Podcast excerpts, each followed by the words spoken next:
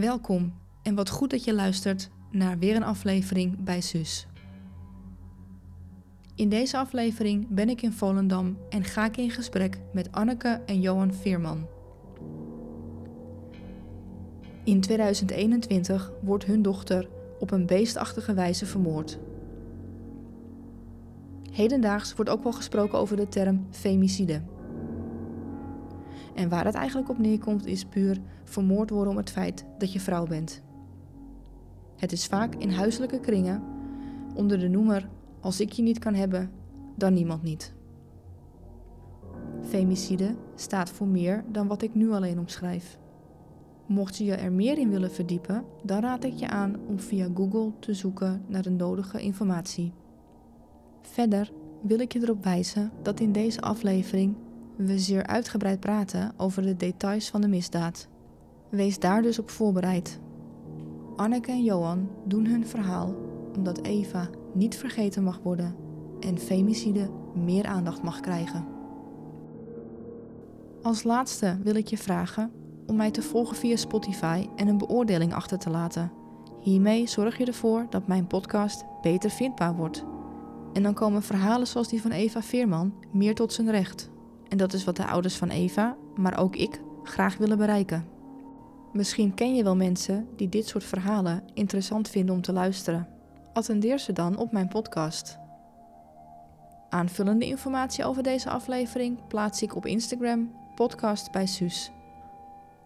Laten we gaan luisteren naar het verhaal van Anneke en Johan over hun dochter Eva. Ik weet dat beide ouders al meerdere keren hun verhaal hebben gedaan, maar ik heb ze benaderd en ze voelden er toch de behoefte voor om hun verhaal wederom te vertellen, omdat Eva eigenlijk gewoon niet vergeten mag worden, maar ook om mensen te willen waarschuwen wat de gevaren zijn van een toxische relatie, want dat is wel de term die hedendaags heel veel gebruikt wordt.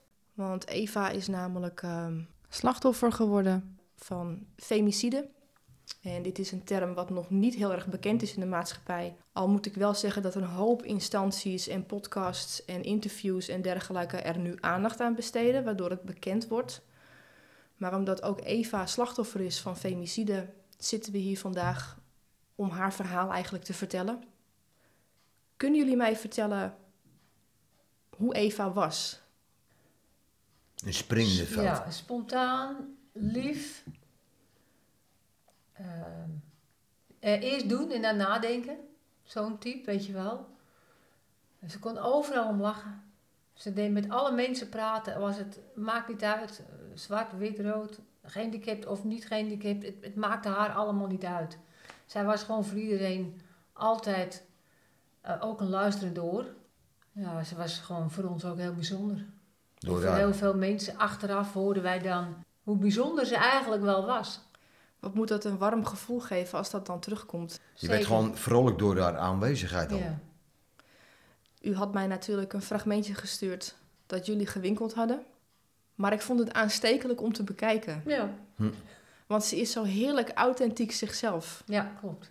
En dat is heel uh, aanstekelijk om daarna te willen kijken. Ja. Zij, doet, zij deed er eigenlijk niet anders voor als dat ze was. En als de mensen dat niet beviel, nou dan maar niet. Ik ben zo en zo ben ik. En... Dat is een hele mooie persoonlijkheid om te hebben. Ja, ook niet capsones. En mensen wat verschrikkelijk wordt gemist door iedereen. Ja, ik geloof wel dat dit echt wel een gat geslagen heeft bij iedereen. Ja, klopt. Sorry Nee, nee, laat gaan. Ik bedoel, het mag de ruimte krijgen hoor. Dat is, Kijk, hij staat al heel lief voor u op om tissues te pakken. Ik kan het toch nooit droog houden. Nee. Het was zelfs zo... Uh, ze werkte in de viswinkel in Hilversum, Kerkenlanden. En daar kwamen ook wel eens hoogst persoonlijke mensen met, die een naam hadden gemaakt. En daar waren ze een beetje voorzichtig mee met helpen. Dus geen gekke dingen doen. Dus beleefd. Maar er was er eentje in de winkel, die zei in de vet al... Die meneer heette Frits. Hé hey Frits, ben je daar? Is alles kids achter de rits? Dan moest je zo vreselijk om lachen, maar zij kon dat gewoon doen. Hoe lang heeft ze in de viswinkel gewerkt? In die viswinkel? Ja. Acht jaar. Nee, daarvoor ook nog Daarvoor heeft ze ook nog in een andere viswinkel gewerkt in uh, Amsterdam. Had ze veel vrienden?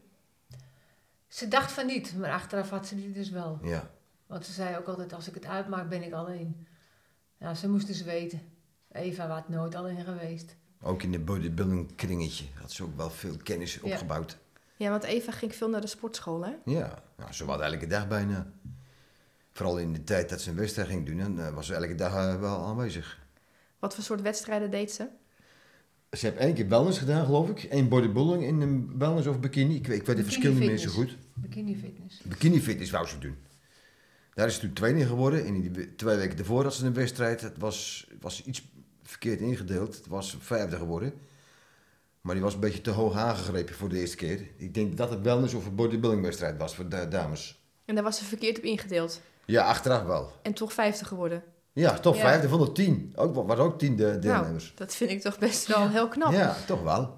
En Ja. ook weer zoiets. En anders zou dan eh, Boos. teleurgesteld Ja. wezen en boos. Want ik was eigenlijk meer teleurgesteld en boos als dat zij was. Ik denk, jeetje, heb je zoveel werk gedaan en dan dit, weet je wel. Ja, dus ik heb toch een hartstikke mooie dag gehad.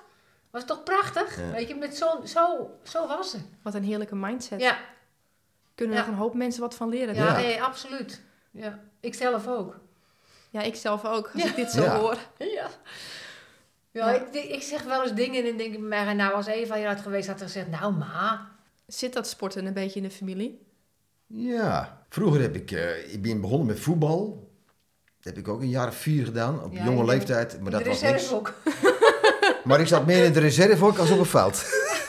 dat was dus niks. En toen heb ik eh, karate gedaan, dat was ook niet echt mijn ding. Dat slaan, in, in- nee, in boks heb ik het nog gedaan, anderhalf jaar. Ook in Amsterdam nog gebokst. Dat was niet mijn ding. Totdat er de laatste vijf minuten van de boksles stonden een paar gewichten aan de kant. Daar mocht je vrij mee spelen, even een beetje rommelen. Om je kracht op te bouwen. Daar had ik veel meer interesse in als dat boksen zelf. En toen is eigenlijk de liefde voor fitness ontstaan. Ja, daar is het ontstaan. En zo ben ik daar begonnen met trainen. En toen hoorde ik dat er een, een sportschool was in Purmerend. En dat was mij eigenlijk mijn goede begin ge- geworden eigenlijk. Bij Michel van Halder in Purmerend. En daarna ben ik bij een andere sportschool gegaan, dichterbij in Edam. Dat was Rolf Timmermans. Die heeft mij toen eh, erin gehaald. Ook als een beetje reclamewerk voor de nieuwe klanten die er zouden komen. Nou, dat werkte goed. Dus daar heb ik ook getraind. Toen is je daarna verhuisd naar Voldam. Dat is nu sportschool Atlas geworden. Grote sportschool. Ja, en daar ben ik nou sinds twee jaar terug, vorig jaar, ben ik daar begonnen, sorry, vorig jaar. Met een beetje trainen weer winters. Dus dat gaat wel goed. Daar heb Eva ook altijd getraind, hè? Ja, bij Was dat ook de motivatie om dat weer te doen? Ja, Eva de Roes lag daar ook. En ik heb daar ook vroeger getraind. Dat in 1989 voor het laatst. Ik heb ook, ik heb ook wedstrijden gedaan. Een mede- 1989, Ja, toen ben ik gestopt. Toen ben ik geboren. Jezus. Ja, Toen ben ik gaan racefietsen. Ik vind het nog steeds prachtig mooi fietsen, maar toch trekt het me 's winters om naar de sportschool te gaan. Nu- vooral na Eva's dood. Ik dacht, ik ga toch weer dat oppikken. Ja, die roeping krijg ik en het bevalt Ze me hebben hem prima. gestuurd. Eva heeft hem van bovenaf gestuurd. Ik denk het. voelt het voor jullie ook vaak zo dat jullie signalen van boven krijgen? Ja, ze helpt ons wel. Ja, zeker. Daar geloven we wel in, hè? in het Ja. spiritualisme. Altijd al gedaan of is dat wat sterker geworden door de dood van Eva? Het is Sterk. sterker geworden door de dood van Eva. Ik geloofde er Ja. altijd wel alleen. Ja. Maar na Eva's dood, ja, je, je wil het natuurlijk ook graag. Hm. Nou, ik niet zo. Maar wij hebben dingen meegemaakt met mediums dat je denkt bij je eigen, dit, dit kan Nee. niet anders als dat het zo is. Nee, nee, dingen vertellen, dat, dat kon zij echt niet weten door de telefoon, hè. En wat voor dingen waren dat? Nou, wij waren hier in, aan het verbouwen in oktober, november naar Eva. Want we zouden eerst het huis gaan verkopen. Voordat Eva nog leefde. Dan zouden we kleiner gaan wonen en dan eh, een beetje van je geld genieten en wat weggeven aan de kinderen. Maar dat Eva overleed, kon ik hier niet weg. Ik zei, ik ken hier niet uit. Ik zei, hier is Eva geboren. Ik ga hier niet weg. Hier is Eva. Dus toen zijn we gaan verbouwen en opknappen. En toen waren we met de deuren eruit, met stukken doors en alles in de weer. Alle vieze puin zaten we hier aan de tafel. Zei, zal ik nou eens die vrouw gaan bellen in Enkhuizen? Tegen Johan. Nou, is goed, dan doen we dat toch. Het was het tien voor zes, dat zeg ik even duidelijk. Toen begreep je als tien over zes. Nee, zes uur. Die zegt, nou, dan gaan we bellen. Toen na tien minuten zei, nou, kom op dan, dan gaan we bellen. Ik zei, ja, met, eh, ik deed niet mijn naam zeggen. Goeiedag, ik zei, wij zouden graag een afspraak willen maken. Nou, ze zegt, is goed, dan pak ik even mijn agenda. En ze komt terug en ze zegt, eh, oh, u komt hier wat binnen. Ik zei, oh. Ze zegt, ja. Ze zegt, er staat hier een lange jonge man met een kaal hoofd en een petje op. Ik zeg, bingo. Zegt ze, wat? Ik zeg, ja. Ik zeg, ik weet al wie dat is. Ik zeg, wat moet hij? Ja, hij vraagt om vergeving. Ik zeg, nou zeg maar dat we dat nooit geven. Ik zeg, en als hij er nog had geweest, had hij er even goed aan gegaan. Oh, oh, zei ze. Toen schrok ze een beetje. Nou, eh, dat we in verbouwing zaten, dat alles over Eva. Eva gaf gewoon alles door, hè. Mm. Het is, oh, dat kent ze niet weten. Ze wist niet wie wij waren, dat waar we woonden, niks. Dat zwarte daar verder van meer vertellen. En toen zei ze, ja, want jullie zijn toch aan het verbouwen? Ik zei, ja. Toen zei ze, ja, want je dochter zegt dat je het niet te donker moet maken. Maar ik had het steeds over kozijnen moeten zwart, de Zwart, deuren dit zwart, zwart. de plinten zwart, de zwaardjes zwart. Want dat is nou de, de mode. Je moet het niet te donker maken. Dus mijn dochter heeft gedacht, nou, en mijn moeder die slaat helemaal door, die neemt alles zwart. Dat kon ze niet weten, Nee. Hoe Eva om het leven is gebracht. Stuk voor stuk heeft ze het verteld. We hebben 2,5 uur onafgebroken Dat haar kon aan de de telefoon recherche niet gehad. eens vertellen. Dat wist zij wel. Hoe was dat om dat te moeten horen? Dat, dat, wat er dan door je heen gaat, dat, je stikt bijna. Ja, want het is je meisje. Ja, het is je kind en je hebt het niet kunnen beschermen hiertegen. Dat is het. En dat gaat ook dag en nacht door je hoofd. Had ik nou niet dit en had ik nou niet dat? Nee, we hadden niet. We hebben vaak genoeg gezegd, even stoppen mee. Maar op de een of andere manier dorsen het niet. Ze waren helemaal op een andere, andere spoor. Ja, maar, Goeie- zei ze dan, hè. Ja, maar... eh, Hij is zo eh, knap en hij is zo groot en hij is zo sterk. En hij is ook lief. En, Hij is eh, ook, kan ook lief Hij zijn. belooft dat hij mee zou stoppen met die drugs en met die anabolen. En eh, ja, nou wil hij even goed wel een kindje. En weet je, hij gaf er allemaal steeds hoop. Ja, vals ook dus. hè. Valse hoop. Want hoe is deze relatie ontstaan? Zij woonden samen in Purmerend met een jongen, met een man. Hij was 18 dat ze daarmee samen ging wonen. 18, 19. Nee, die niet. Erg jong. Maar hij was ook een stukje ouder. Erg, erg aardige jongen, erg lief. En, eh, maar op een gegeven moment ging dat ook niet lekker. En toen heeft ze hem ontmoet, de moordenaar, In, in Rijhuis. Want in haar eigen huis. Want hij was ook een kennis weer van haar, haar, eh, haar vriend, toenmalige vriend. En welk jaartal was dit dat, dit, dat ze hem leerde kennen? 2014, meen ik. Ja, 2014. Dus toen ging ze weg bij die, eh, bij die ene jongen waar ze mee eh, samen woonde. En toen kwam ze weer hier wonen. En toen is dat andere is dat een beetje gaan groeien. Nou, ze was helemaal hout op de botel van hem. En toen kwam ze een keer hier met hem. Toen gingen wij op vakantie. En toen stond die ene achter me. Toen draai ik mij om. Ik denk, oh, Wat is ja, dit? wat is dit? Kale kop, tatoeages gespierd. breed van de bodybuildingen. Ja, dat schrik je. Ja, was dat de eerste is reacties? Niet, dat is niet het, het, het, eh, ideale schoonzoon die je wil, als je dat ziet. Dat, hij zag er gewoon echt wel... Imposant ook. Ja. En, en eng in zijn in zijn gezicht wel. Nou, Sommige, nou ja, eng ja. niet. Hij zag er goed uit. Maar sommigen waren ook bang voor hem. Ja, het heeft dus zeven, acht jaar geduurd, die relatie.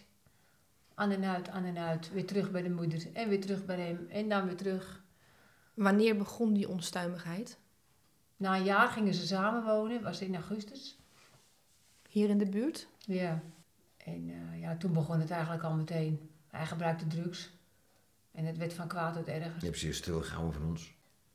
Denken jullie dat ze nog steeds ook nu heel veel dingen heeft stilgehouden die Ja. jullie niet weten? Om het maar goed te houden tussen ons en hem. Weet je, Ja. dat we de relatie... Om de vrede te houden. Dat lijkt me ook voor haar een slopende positie om te Eh, hebben. Want je bent ja. constant de agent aan het uithangen. Ja. En toen op een gegeven moment werd het zo erg. Toen eh, kwam ze uit de werk vandaan, toen kon ze er niet meer in. Had hij de deur op slot gedraaid.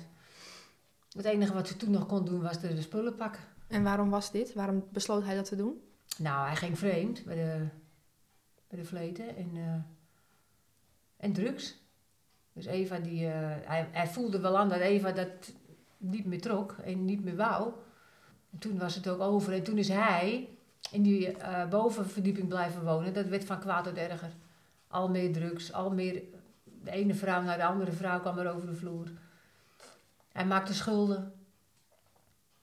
En toen is hij op een gegeven moment vertrokken naar eh, het legioen in Frankrijk. Vreemdelingenlegioen. Vreemdelingenlegioen. Zo ineens. Nou, dan ben je ook je schulden kwijt, hè?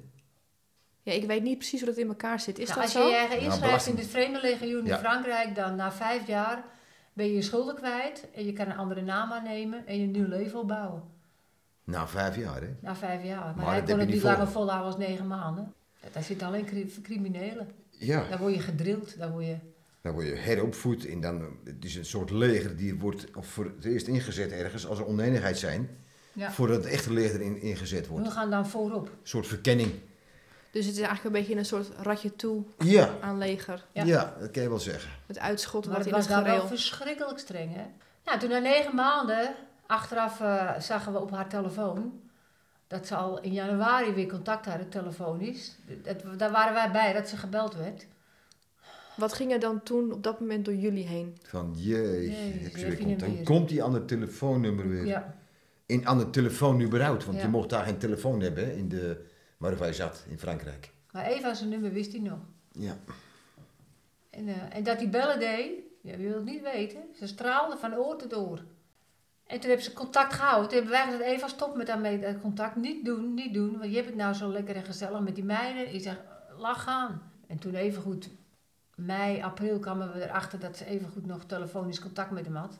Ja, wat moet je dan? En, nee, je eh, staat vaak toch een beetje hopeloos Hm. en hulpeloos aan de, aan de zijlijn te staan. Klopt. En toen kwam eh, augustus, of juli, augustus, en toen zei ze, hij zit in de trein. Ik zeg, hij zit in de trein? Ik zeg, hij moet daar toch vijf jaar zitten? Nee, hij is gevlucht. Gedeserteerd. Hij was verschrikkelijk bang, deed hij tegen ons vertellen later, want als hij opgepakt had geworden, had hij klaar geweest, hè. Maar hij had het gered. Nou, toen twee, drie dagen later stond hij hier weer voor de deur. Was hij behoorlijk omgeturnd. Toen was hij wel een heel andere jongen, hè. Toen was het eigenlijk de, de man die hij wezen moest.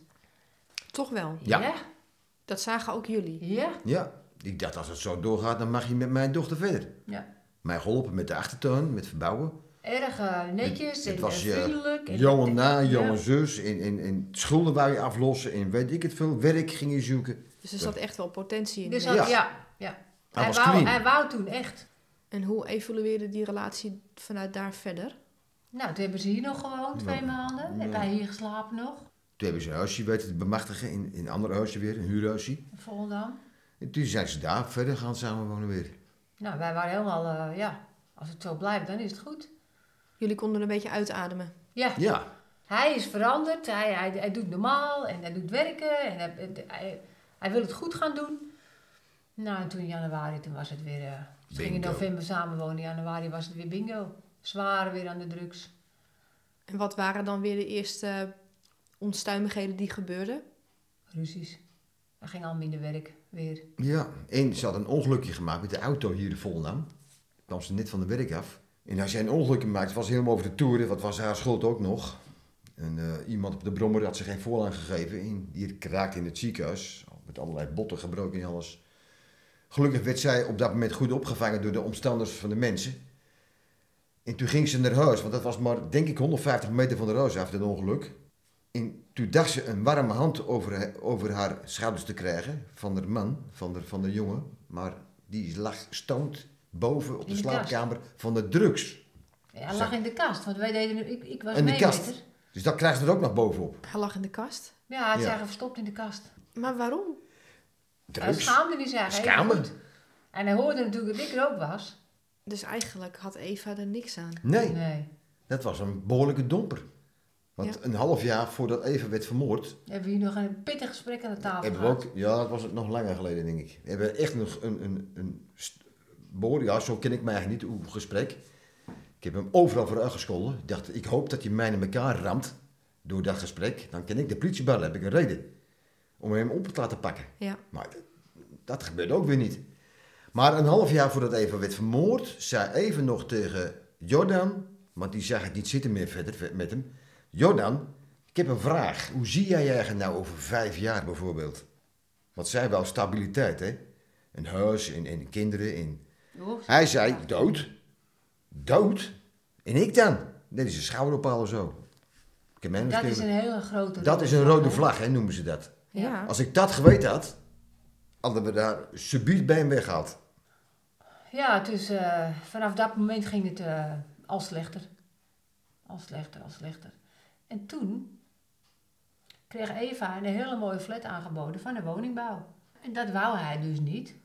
Want hij is daar wezen kijken en zei hij, ik ga hier niet in. Ik zeg, wat is dat nou voor ons en ik ga hier niet in. Een prachtige mooie twee verdiepingen flat. Maar dat flatje kwam op Eva's naam en dat wou hij niet. Juist, hij wou dat even afhankelijk van hem bleef. Want ze kwamen hier, Ja, toen zei hij nog letterlijk tegen mij, Johan, hoe vind je dat? Nou krijg ik ook een flatje aangewezen van de woningbouw. want hij, Want zat hij zat in de schuldsanering. En daar kunnen ze gratis hier voor niks bij mij wonen. Zeg ik, nee, nee, nee, nee, vriend. Zij gaat naar haar eigen woning. Daar betaalt ze gewoon geld voor. En het gaat er bij mij om dat die woning op haar naam staat. Want als het niet gaat met jullie met z'n tweeën... dan kan zij jou, letterlijk heb ik zo gezegd, een skopje geven. Dan kun jij de deur uit. Dat is dan toch ehm, manipuleren, hè? Ja, Kijken Ons. of hij, of hij jullie Ja. aan Ja. dezelfde kant kan krijgen, zodat jullie zeggen: ga nou lekker bij hem zitten. Nee. Het scheelt je een hoop geld. Maar dat was niet het geval. Ja, een nieuwe vloerbedekking, alles gestukken door, heb je met vrienden en dat wel hoor. Dat was hartstikke netjes en mooi. Nou, houden eerst niet, maar toen later toch wel. Toen had hij door van dat gaat niet werken wat ik wil. Nee. Dus ik zal wel moeten bij Ja, haar in. ja. Zo, weet je wel. Nou, toen Ja, hij toen, toch ja. zijn best gedaan om dat te doen. En toen is- zijn ze gaan samenwonen in februari. Ja, Januari. februari, maart. Ja. En dit was het jaartal? 21. En ze was zo blij met die flat. Trots. Zo blij was ze. Nou, ze hebben maar twee maanden van kunnen genieten. Kunnen jullie de eerste week, of de, de, de laatste week van Eva beschrijven? Nou, die week eh, voor Eva. Nee, het, eh, dat was de week van Hemelsvaartdag. Ja, dat was die week. Ja, die, die week was al erg rommelig. En eh nou, dat is ruzie gehad de hele Hm. dag. Ja. Ze zouden s'avonds uit eten gaan. En toen, eh toen had ze al geappt of getelefoneerd met me.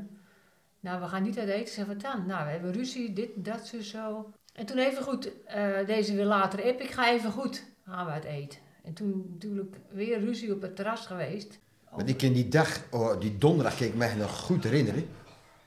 Dat was de donderdag voor die zaterdag, dat ze- voordat ze vermoord werd. Ja. was het mooi weer. Ze waren op de dijk geweest.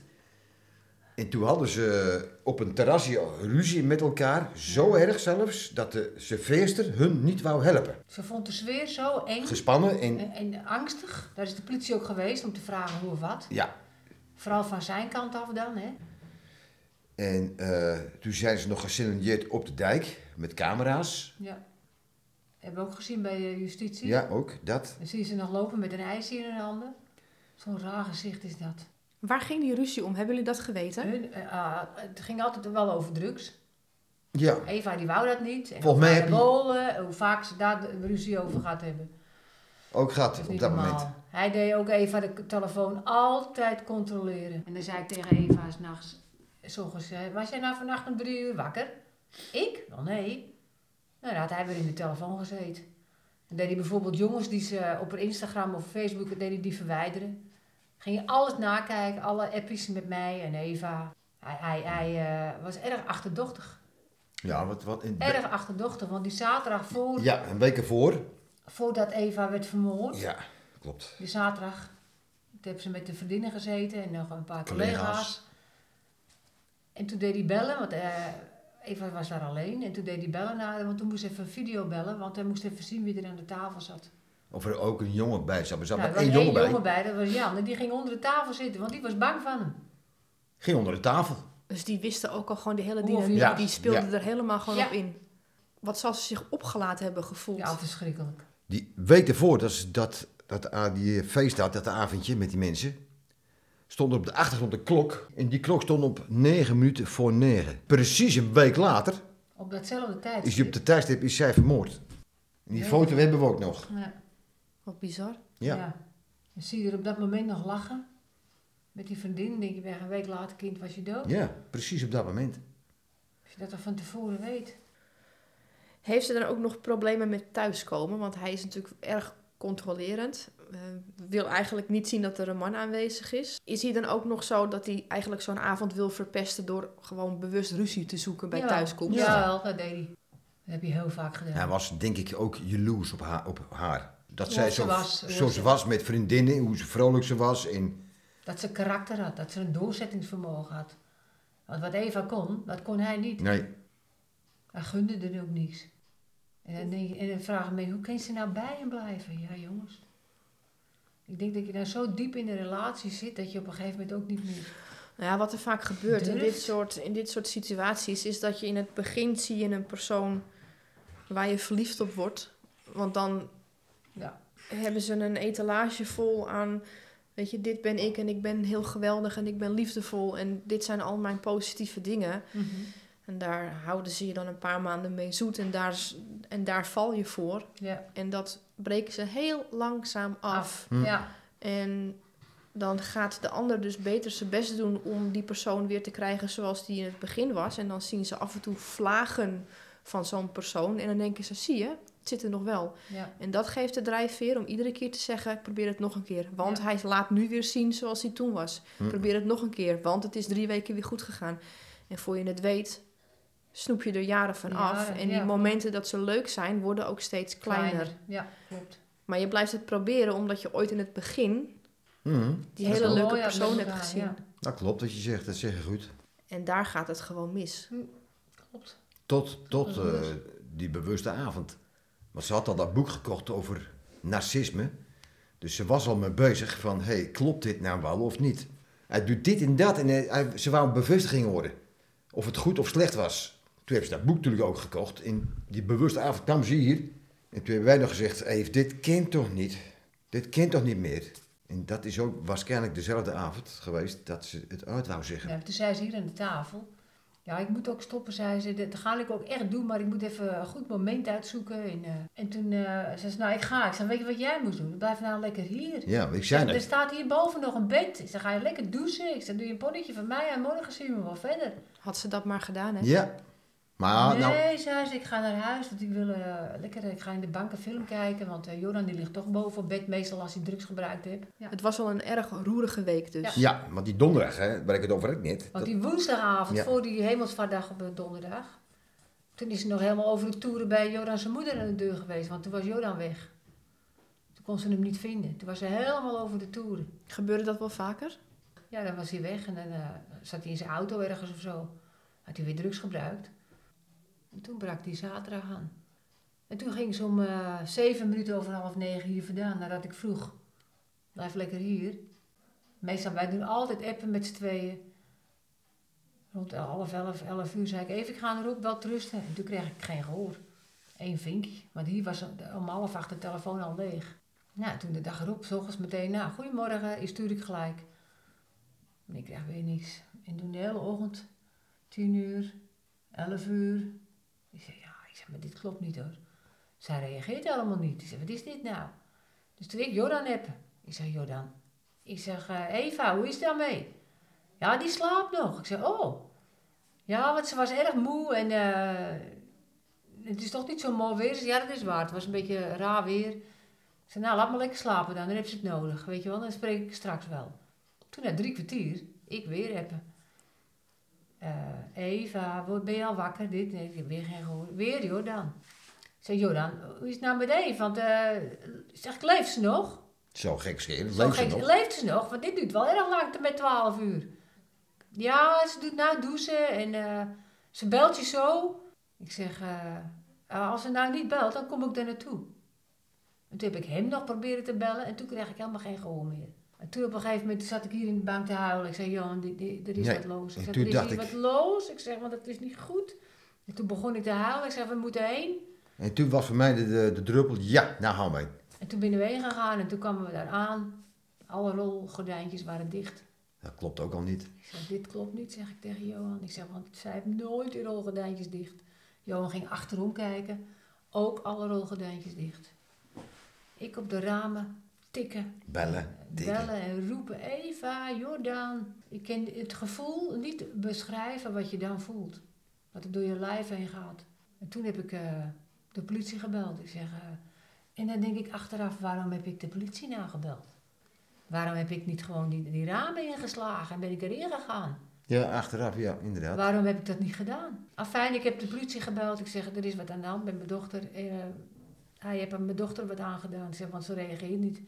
Ja, maar zijn ze niet wandelijk? Ik zeg, ze zijn niet wandelijk. Ze zitten hier in die flat.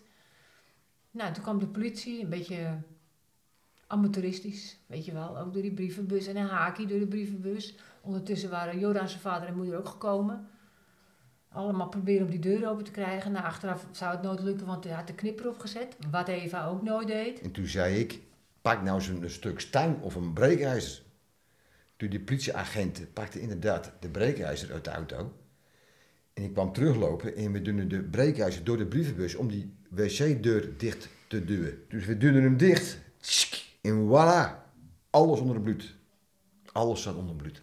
Dat was ook de reden waarom de deur eh, open stond tegen de voordeur dan. Hè. Dat mag niet zien gaan worden. Nou, toen hebben ze het raam ingegooid. Toen wel. Toen zagen ze dat het wel ernstig was. De, de gordijnen zaten met bloed, de vitrage zat met bloed. De kussens in de bank verderop zat met bloed. De grond lag met bloed. Bloed over de behangen, bloed op de vloer. Johan Op- ging naar binnen, wat niet mocht. Nou ja, toen, we we stormden natuurlijk met z'n drieën naar binnen. En toen zag ik Eva slapen in de bank. Dacht- Het, het leek of ze een dutje deed. Ik dacht, ah, gelukkig, maar dat was niet gelukkig. Ik voelde de wang, die was kei en keihard en koud. Beton. En de arm die, die, die lag naast de bank. Dus ik pakte die arm op om even over haar eh, lichaam te leggen. Kon niet, want het was net zo stijf als een plank. Dacht, jezus. Ik haalde het blouseje even naar beneden, het truitje. Dat was helemaal paars en blauw. Gewurgd. Maar stiekem in mijn achterhoofd dacht ik ook van... misschien is het nog wel te redden door het ambulancepersoneel... om een soort adrenaline-spuitje te geven. Weet jij veel wat? Ik wist ook niet op dat moment hoe lang ze al overleden was. Maar ja, de lijkstijfheid was er al en ze was ijskoud. Toen ben ik naar boven gegaan. Ik volgde gewoon het bloed eigenlijk. Op de, op de armleuning, in, op de behang, op een stukje doorwerk bedoel ik. Op de trap bloed. Het is hier gebeurd. En ondertussen stond de moeder van Jonan ook daar. Op de overloop boven. Die stond zo met een gezicht op haar handen. Ja, te- dat begrijp ik waarom. En toen zag ik hem liggen. Met zijn pols doorgesneden en met de hete water aan van de, van de douche. Ja, om het sneller te laten stromen. Om hem snel te laten stromen. Ja, en zijn moeder was er ook ingeslopen. Nou, die, die kraamde ook woorden uit van... Jezus, toen zei ik nog, die vuile klootzak, zijn kop moest eraf gehaakt worden, zeg ik toch, met zijn moeder erbij. Het is maar goed dat zijn moeder erbij was, want ik denk dat ik hem...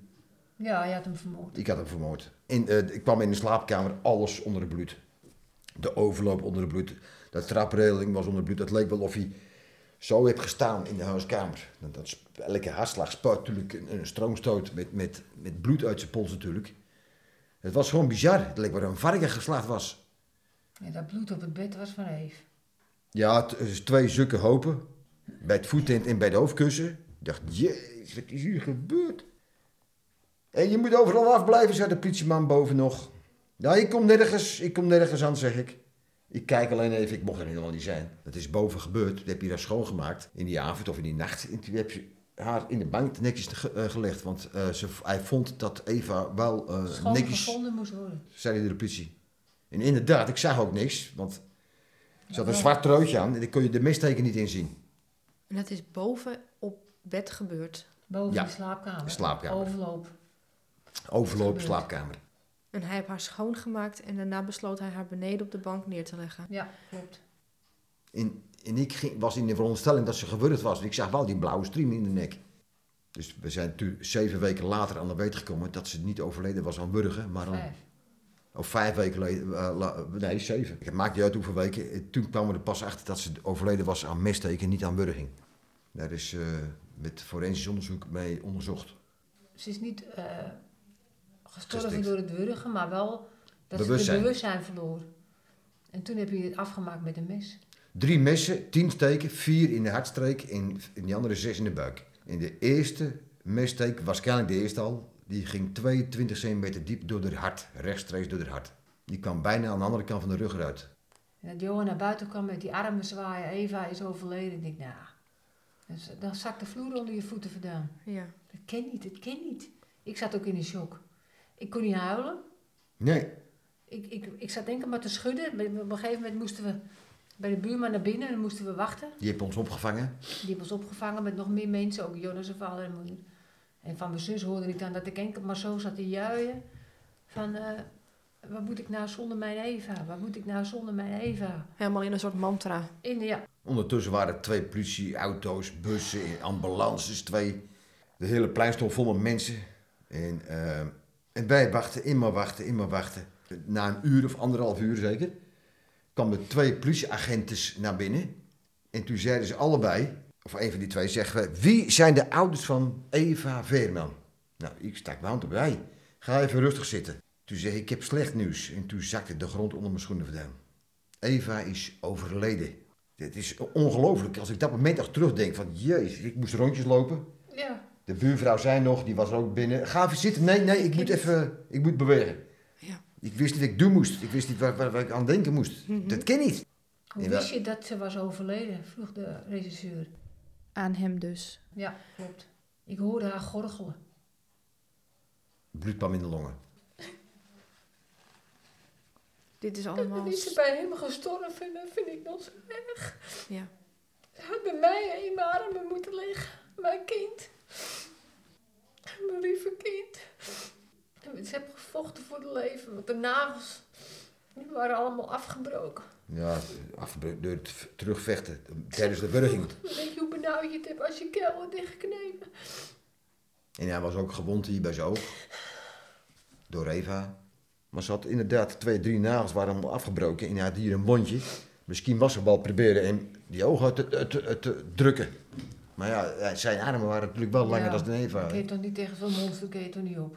Wat moet er een angst in Ja. het lijf van haar gegierd Ja. hebben. Hij werd dus aangetroffen in die douche. Ja. Hij zal de nodige medische zorg hebben gehad en ingerekend. Hij heeft drie weken in een... eh, Scheveningse gevangenisziekenhuis gezeten. Ja. En daarna was hij een beetje opgeknapt met zijn bonden in zijn polsen. En toen werd hij overgebracht naar het ziek, of, eh, gevangenis in Zaandam, de Meent geloof ik. Een moderne gevangenis zelfs. Hoe is die tijd daarna geweest? Want die, die agenten komen dan dus binnen. Eh, u begint rond te lopen omdat u het niet hè, kunt verwerken dat ze Mm. dus inderdaad dood is. Wat gebeurt er dan? Ja, je zit in de roes. We Ja. moesten mee naar het bureau. We hebben zeker een uurtje vier gezeten, wel. Wij moesten van eh, half vier tot een uur of half negen. Hebben we op het politiebureau Ja, ja. gezeten.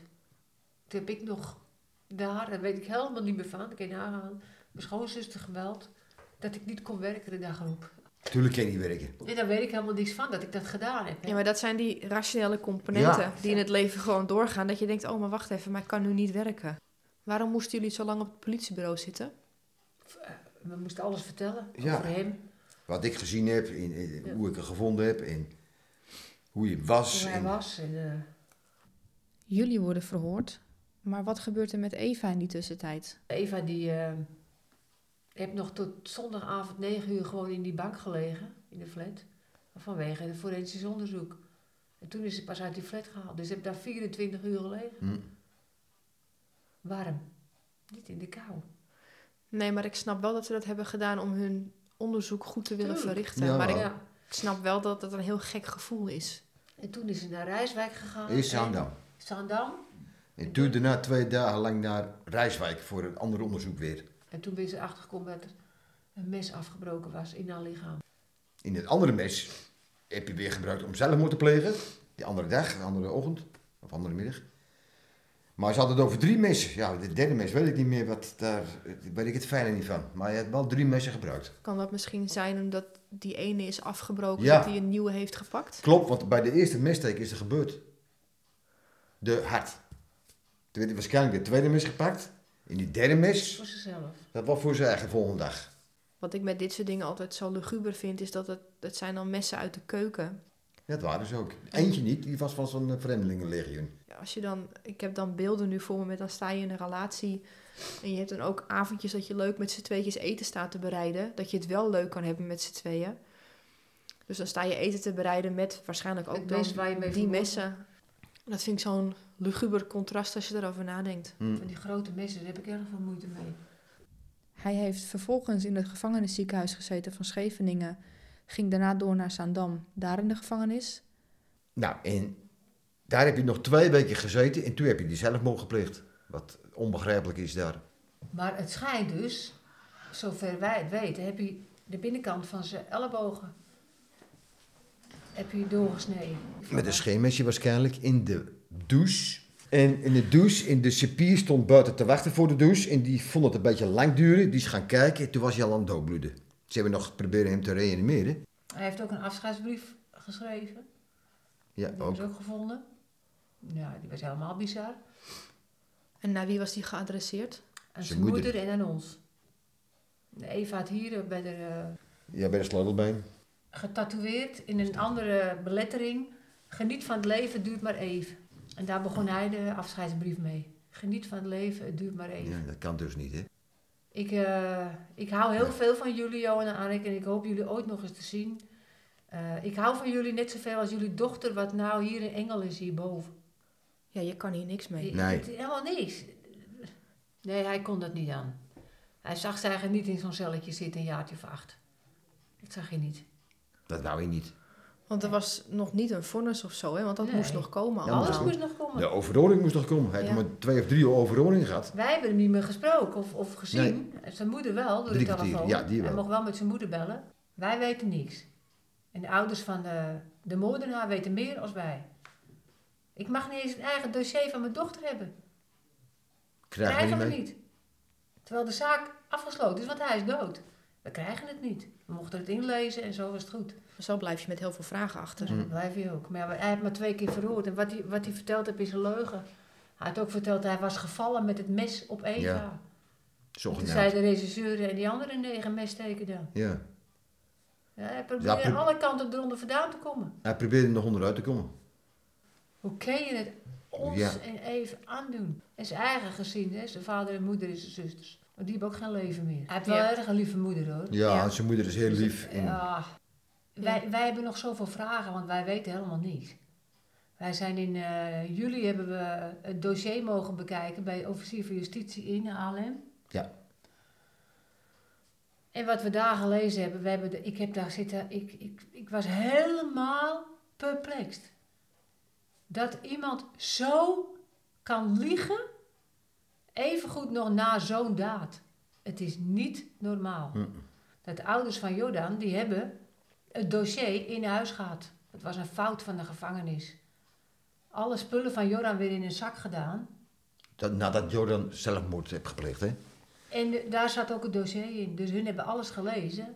Wat Jordan heeft verteld waarschijnlijk. In de, wij, in de twee overhoringen die hij gehad heeft hè, in vijf weken. Wij horen dan van de bemiddelaar dat eh, die moeder daar niet voor in, in is. Ze kan dat niet aan. Nee. En dat snap ik ook wel, maar kan ik het dan wel aan? Ik vind dat zoiets is wel op zijn minst dat je even een gesprek aangaat. Wanneer werd het lichaam van Eva vrijgegeven? Ze is zaterdag vermoord, zaterdagavond. En ze is woensdagochtend, einde ochtend hier gekomen Ja. met de kist. Jullie hebben haar hier in huis gehad. Ja. Tot de dinsdag na Pinkster. Hoe was dat voor jullie? Om haar hier te hebben? Ja, dat is natuurlijk fijn. Ja, dat Je wou gaat haar niet ergens in de kamertje en dan s'avonds naar huis. doe je niet. Je wil erbij je hebben. Je ziet het, ik denk nog steeds, heb ik, heb ik dan, dat je in een roes zit. Want Ja, je dochter ligt hier. Als je, als je, als je gezond, normaal, realistisch nadenkt. Mijn- Mijn mijn dochter ligt hier dood vermoord in de kist. Maar op dat moment denk je, jezus, daar ligt ze dan. Nou, ziet er goed uit. Dan ga je over andere dingen praten. Oh ja, de haren, ja, ziet er ook mooi uit. Dat duurt een beetje vergoeilijken. Maar ze is wel dood, hè? ik stond er dan bij en mijn zus heeft erop gemaakt. In de- met haar eigen make-up spullen. Ja, en ook mooi is, eh, het, op het laatste moment voor we de begrafenis gingen doen, voordat de, de, de deksel dicht ging, zei mijn vrouw nog, wacht eens even.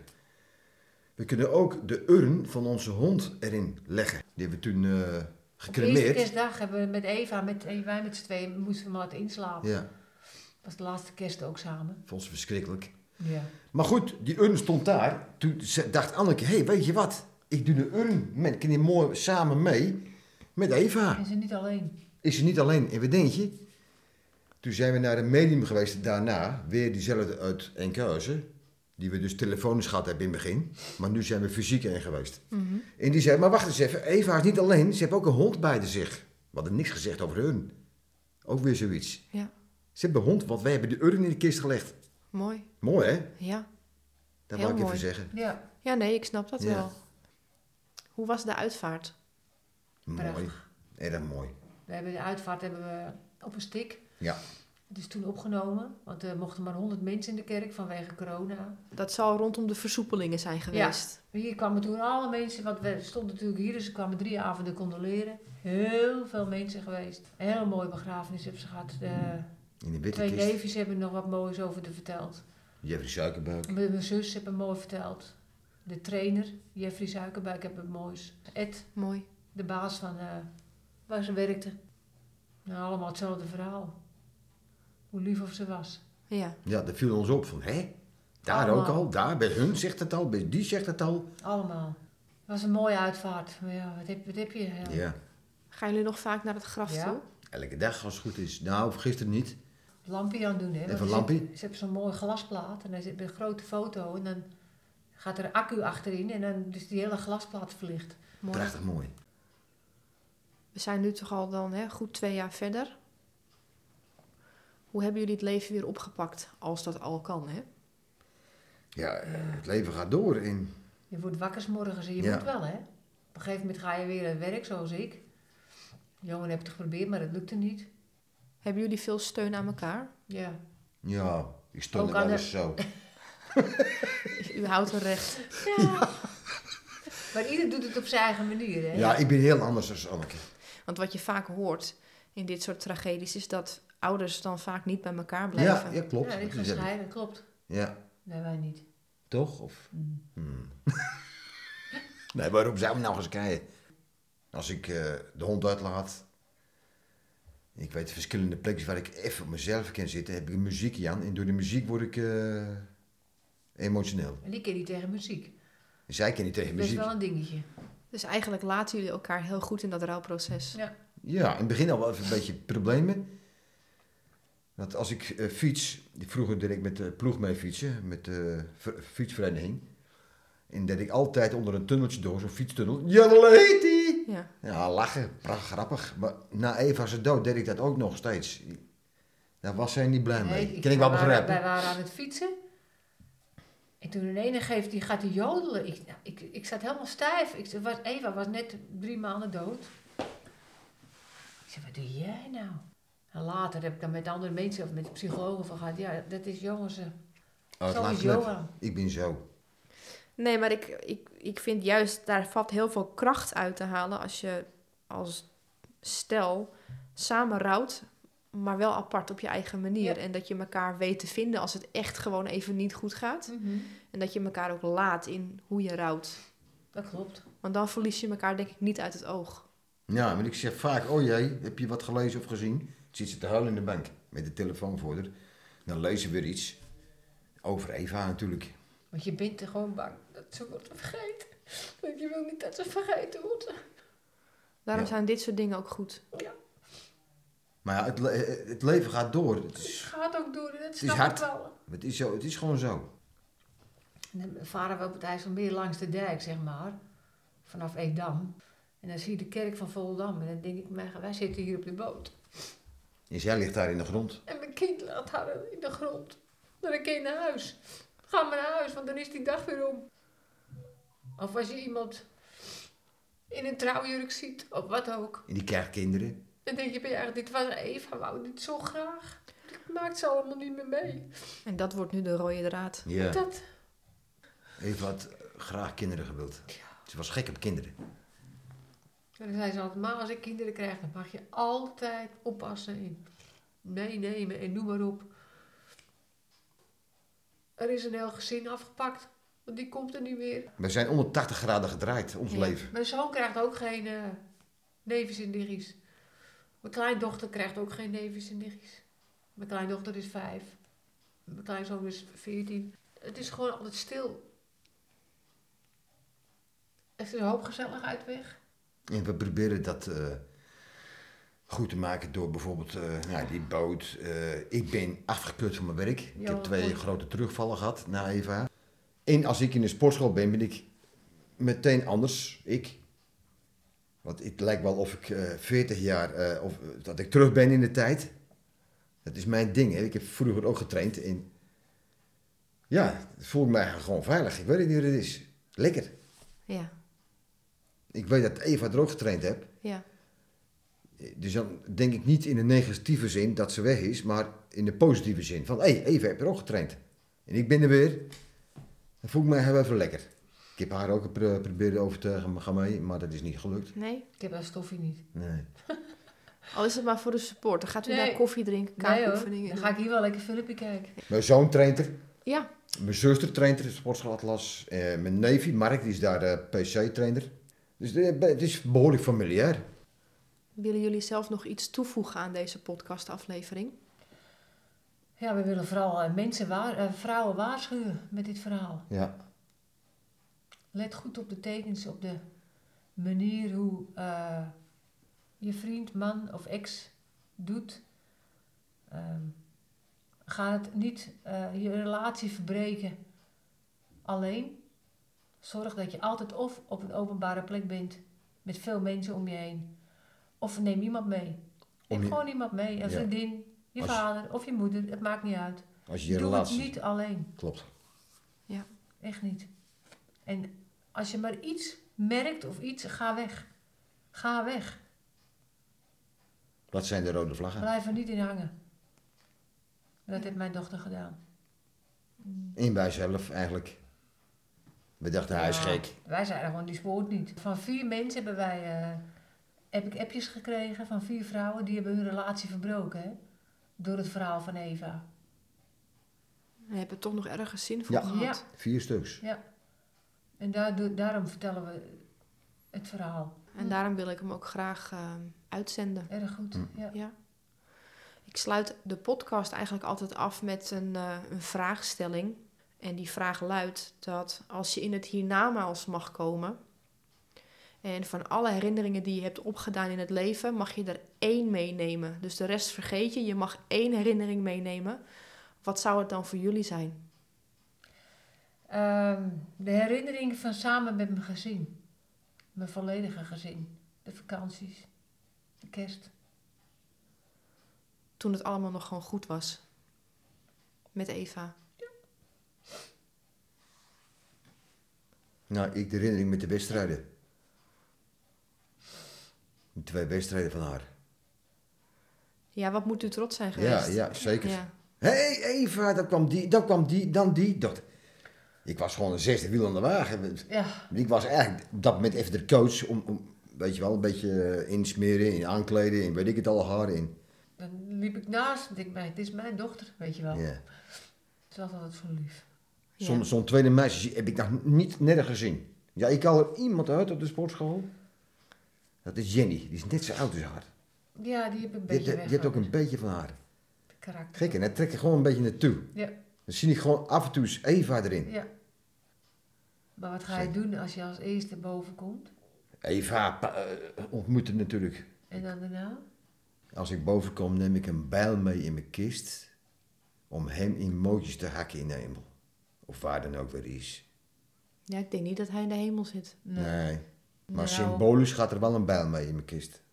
Of symbolisch, ik doe het ook misschien echt.